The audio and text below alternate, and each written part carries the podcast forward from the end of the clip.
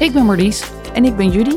We zijn allebei halfwege de 40 en hebben elkaar leren kennen in het ziekenhuis toen we beide midden in ons eigen borstkankeravontuur zaten. In deze podcast kijken we samen terug op deze krankzinnige tijd. Met een traan.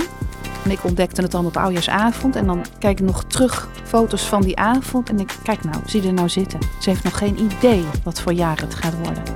Maar ook zeker met een lach. We hebben toen keihard de muziek opgezet van dansen op seks met die kale. Gabberend stond ik daar met mijn kale koffie.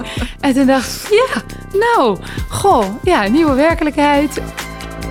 We gaan je met borstkanjes een eerlijk beeld geven over de ziekte waar één op de zeven vrouwen mee te maken heeft, heeft gehad of gaat meemaken. We hopen er voor je te zijn op de momenten dat je eigenlijk wilt googlen, maar beter een vriendin kan bellen. Vandaag gaan we het specifiek hebben over wat doe ik met mijn haar. Want als er een onderwerp bepalend is, vooral in het begin, is het uh, haaruitval. Ja. Wat zet ik op mijn hoofd? Uh, en daar gaan we het vandaag over hebben. Ja. Uh, het woord chemo was de eerste vraag. Valt mijn haar dan uit? Mhm. En wat ik best bizar vind als ik dan terugdenk. Ik vond op dat moment was ik meer bezig met, oh mijn haar valt uit dan de ziekte. Ja.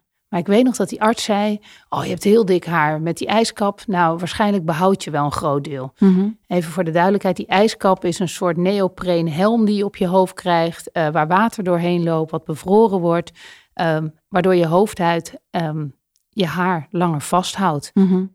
Nou, die heb ik twee keer gehad um, en ik vond het pittig. Ja. Ik vond het echt pittig, die ijskap. Ik weet niet, hoe was dat bij jou? Ja, ik heb hem uh, tijdens mijn tweede serie chemo, uh, toen ik moest nog wat extra chemo uh, krijgen, die AC-kuur. En toen wilde ik ook die kap, want ik had net weer een beetje haar gekregen. En ik dacht, dat wil ik niet nog een keer. Dus dan die ijskap. Dus ik heb hem toen vier keer op gehad. En het is gewoon een heel apparaat wat bij je komt staan. Het is net of je bij de kapper bent en dan wordt dat helemaal opgezet. Nou, en ik heb hem twee keer gebruikt, uh, de ijskap. En op dat moment ging mijn haar uitvallen. En het waren plukken op mijn kussen, het waren meer plukken in het gootsteentje en het waren plukken in mijn haarborstel.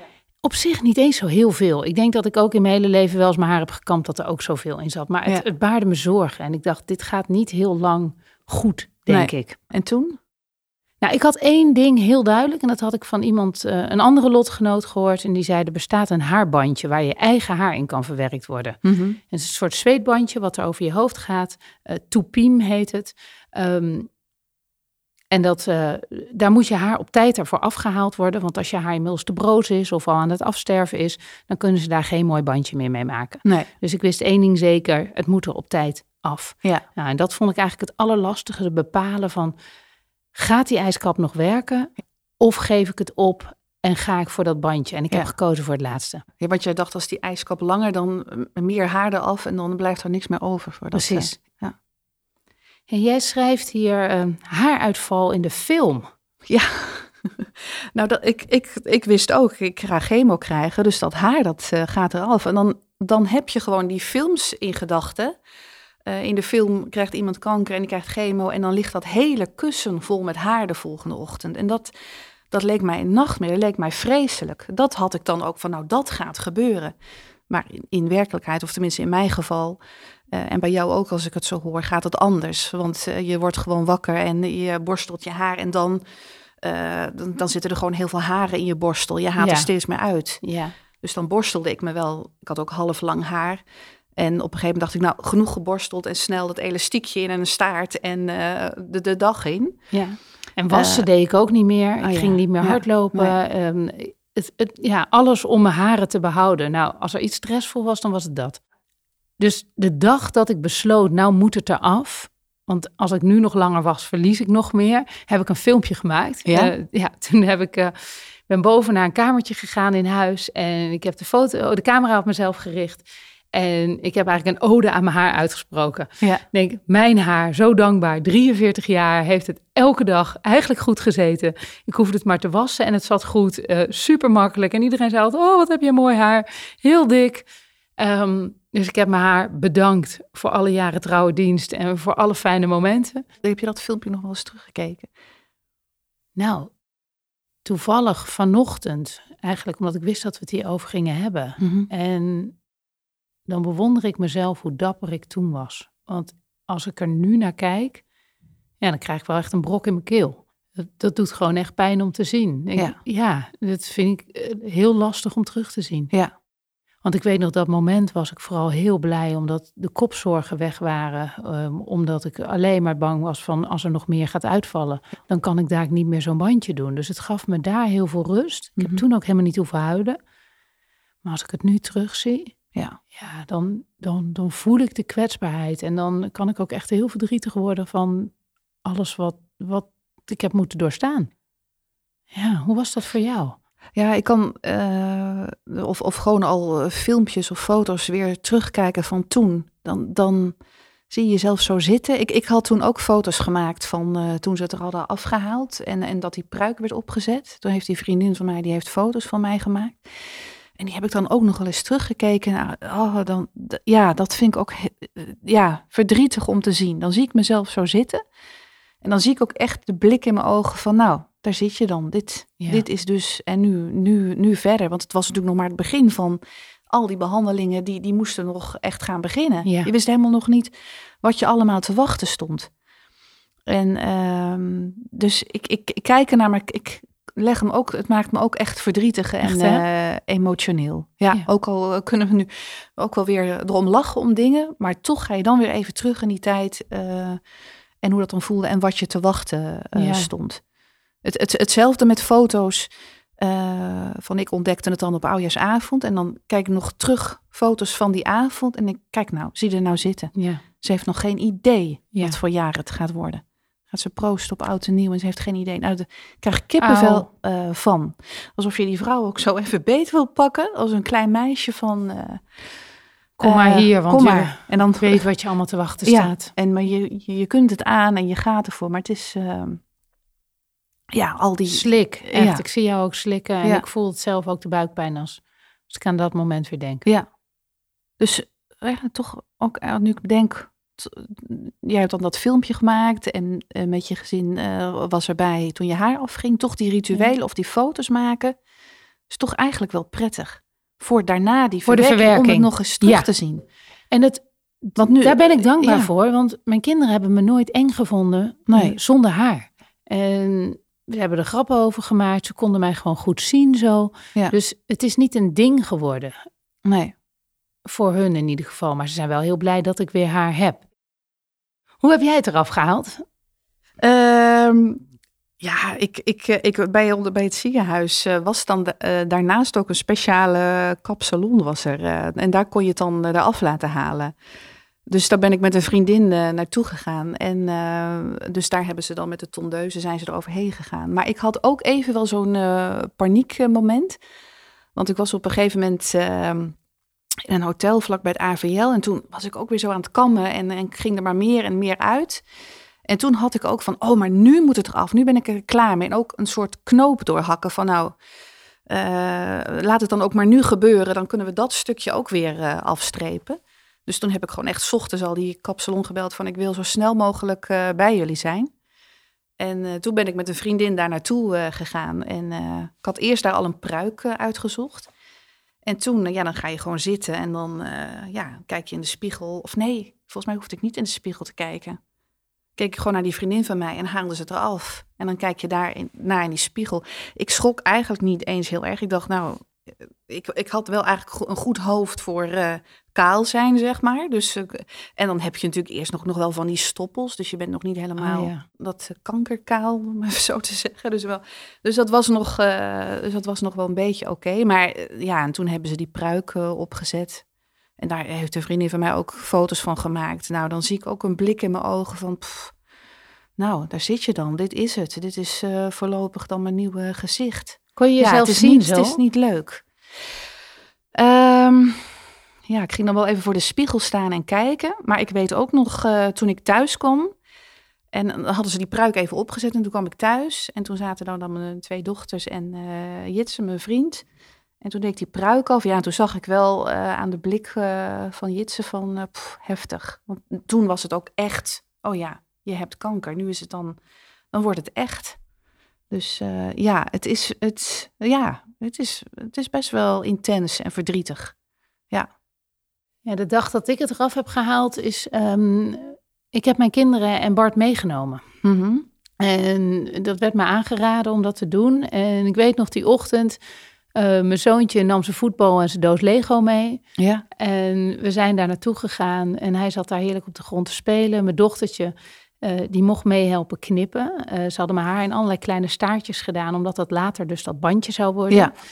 Ehm, en gek genoeg was het ook best een gezellig moment met elkaar. Ja.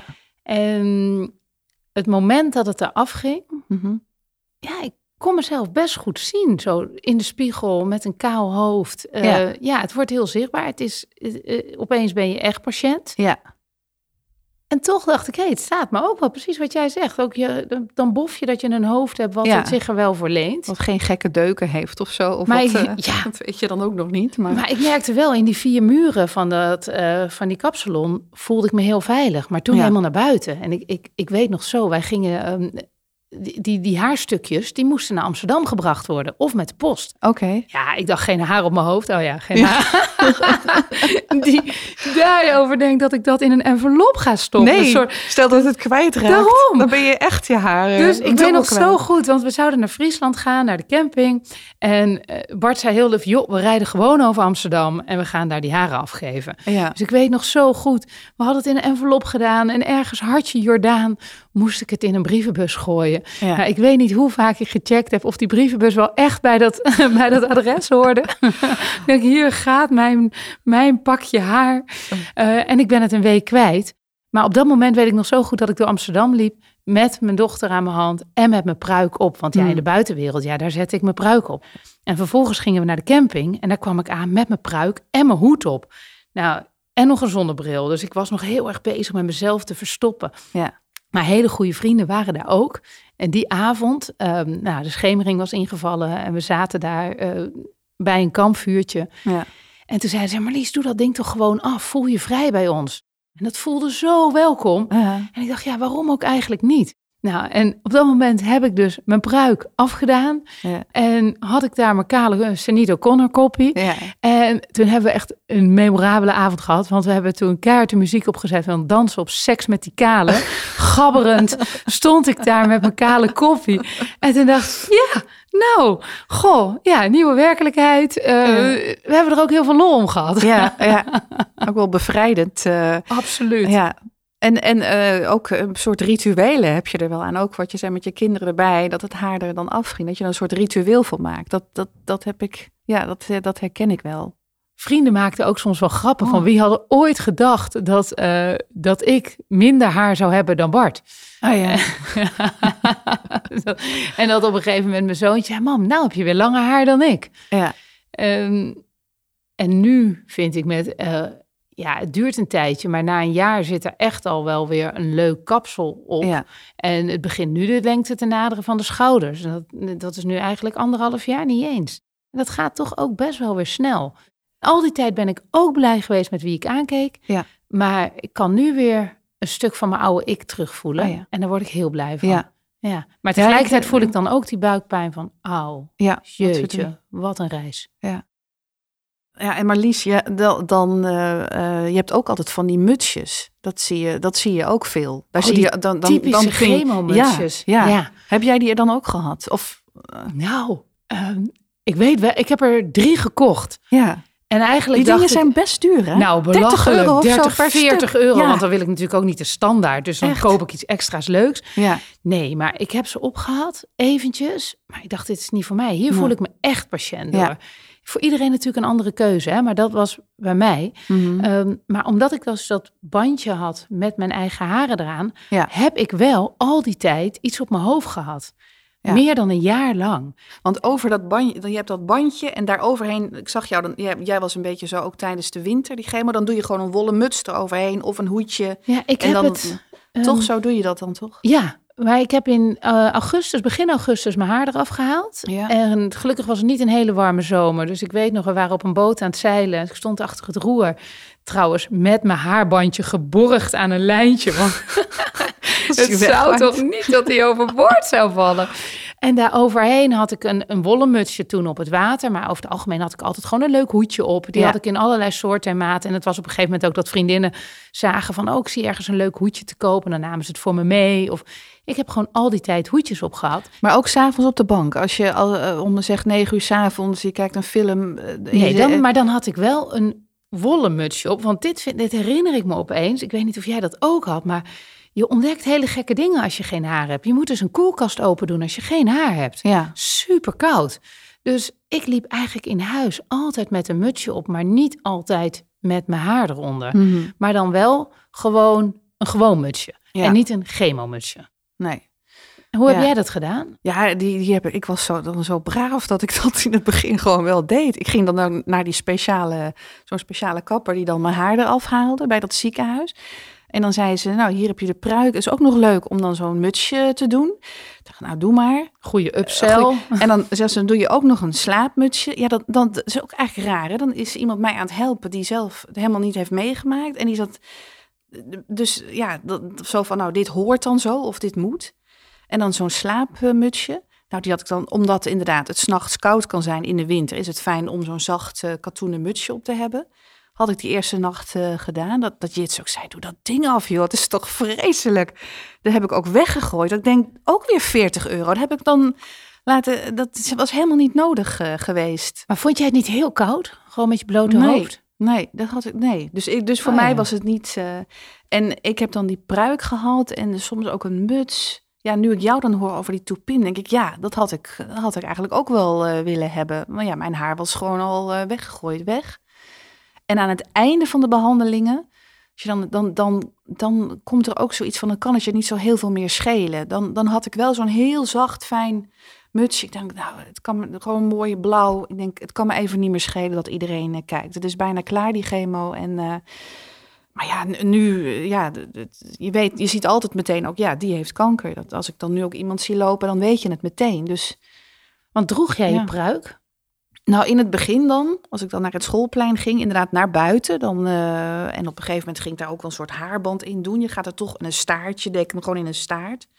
Ik had dan een soort boblijnen pruik hadden ze voor mij eh, uitgezocht. Of ze zeiden van, nou, dat past het beste bij je. Dus die deed ik al snel in een staart. Je wil toch een beetje dat het wel een beetje, nou, je wil een beetje mee eh, spelen en doen. Alleen ja, het prikt en het jeukt. Het zit vreselijk. Ik en dan weet zeker zo als je dan dat ik- chemo krijgt, en dan voel je je van binnen ook al niet lekker. En dan ook nog eens zo'n prikkende pruik eh, op. Ook al zeggen ze van nee, maar pruiken zijn steeds beter en fijner. Nou, ik, ik, ik vond het eh toch Ik heb zo- werkelijk niemand gehoord die echt heel blij is. Nou, één Nee. persoon die, die zijn pruik echt veel gedragen Ja? heeft. Maar de meeste ligt hij eigenlijk in de kast. Ja. En ik ben hem eigenlijk pas gaan dragen toen ik weer aan het werk ging. Oh, ja. En toen allemaal behandelingen erop zaten. En dan, als ik dan in een, een, zeg maar zakelijke setting, dan deed ik mijn pruik op. ja. Maar ja, toen, ik weet nog zo dat ik een sessie had gehad voor mijn werk. En vervolgens reed ik op de fiets naar het schoolplein. En mijn dochter herkende me toch gewoon niet met mijn pruik. echt? nou, dat voelde Ja. echt, dat deed pijn. Dat ik dacht, potverdikkie, het mag dan een mooie pruik zijn. Maar ik ben het dus gewoon niet. Nee. Mijn Dus- kinderen zetten hem op. Ik, ik, toen waren zij vier en vijf. En mijn jongste liep op een gegeven moment die pruik zelf op. Maar die dingen zijn ook duur, hè? Volgens mij 500 euro. Nee, meer, volgens mij 1500. Oh nee, ik had wel vijf. Maar Ja. ik heb hem aan het einde heb ik hem eh, in de vuurkorf eh, gegooid. Ik heb hem eh, ritueel verbrand. Dat is en ook die een mooi ritueel. erbij. Huppatee, weg. ja. En, Nou, kijk hoe het nu zit. Je hebt ik een heb, prachtige ik heb een boblijn. bob. Ik heb weer. Ja. eh, ik hoef nu ook helemaal niet meer naar de kap om te zeggen van, nou weet je, ik heb chemo gehad, dus het duurt even. Nu is, is het gewoon weer, gewoon, hup, Ja. naar de kapper. hoe, ik je, hoe je hier nu zit. En, ja, je hoeft eigenlijk niet eens meer uit te leggen Ja, dat je een ziekte hebt gehad. nee, nee, Nee, heel mooi. ja. Wat fijn dat je hebt geluisterd. We hopen dat ons verhaal je iets heeft gebracht. En zijn er onderwerpen die je bezighouden en die wij kunnen bespreken? Ga dan naar Borstkanjers op Instagram. En luister ook naar onze andere afleveringen in je favoriete podcast-app en laat er een review achter, want dan wordt de podcast beter gevonden door andere luisteraars en lotgenoten. Borstkanjers is een initiatief van Marlies Toussaint, Judy van der Linden en podcastbureau As We Speak.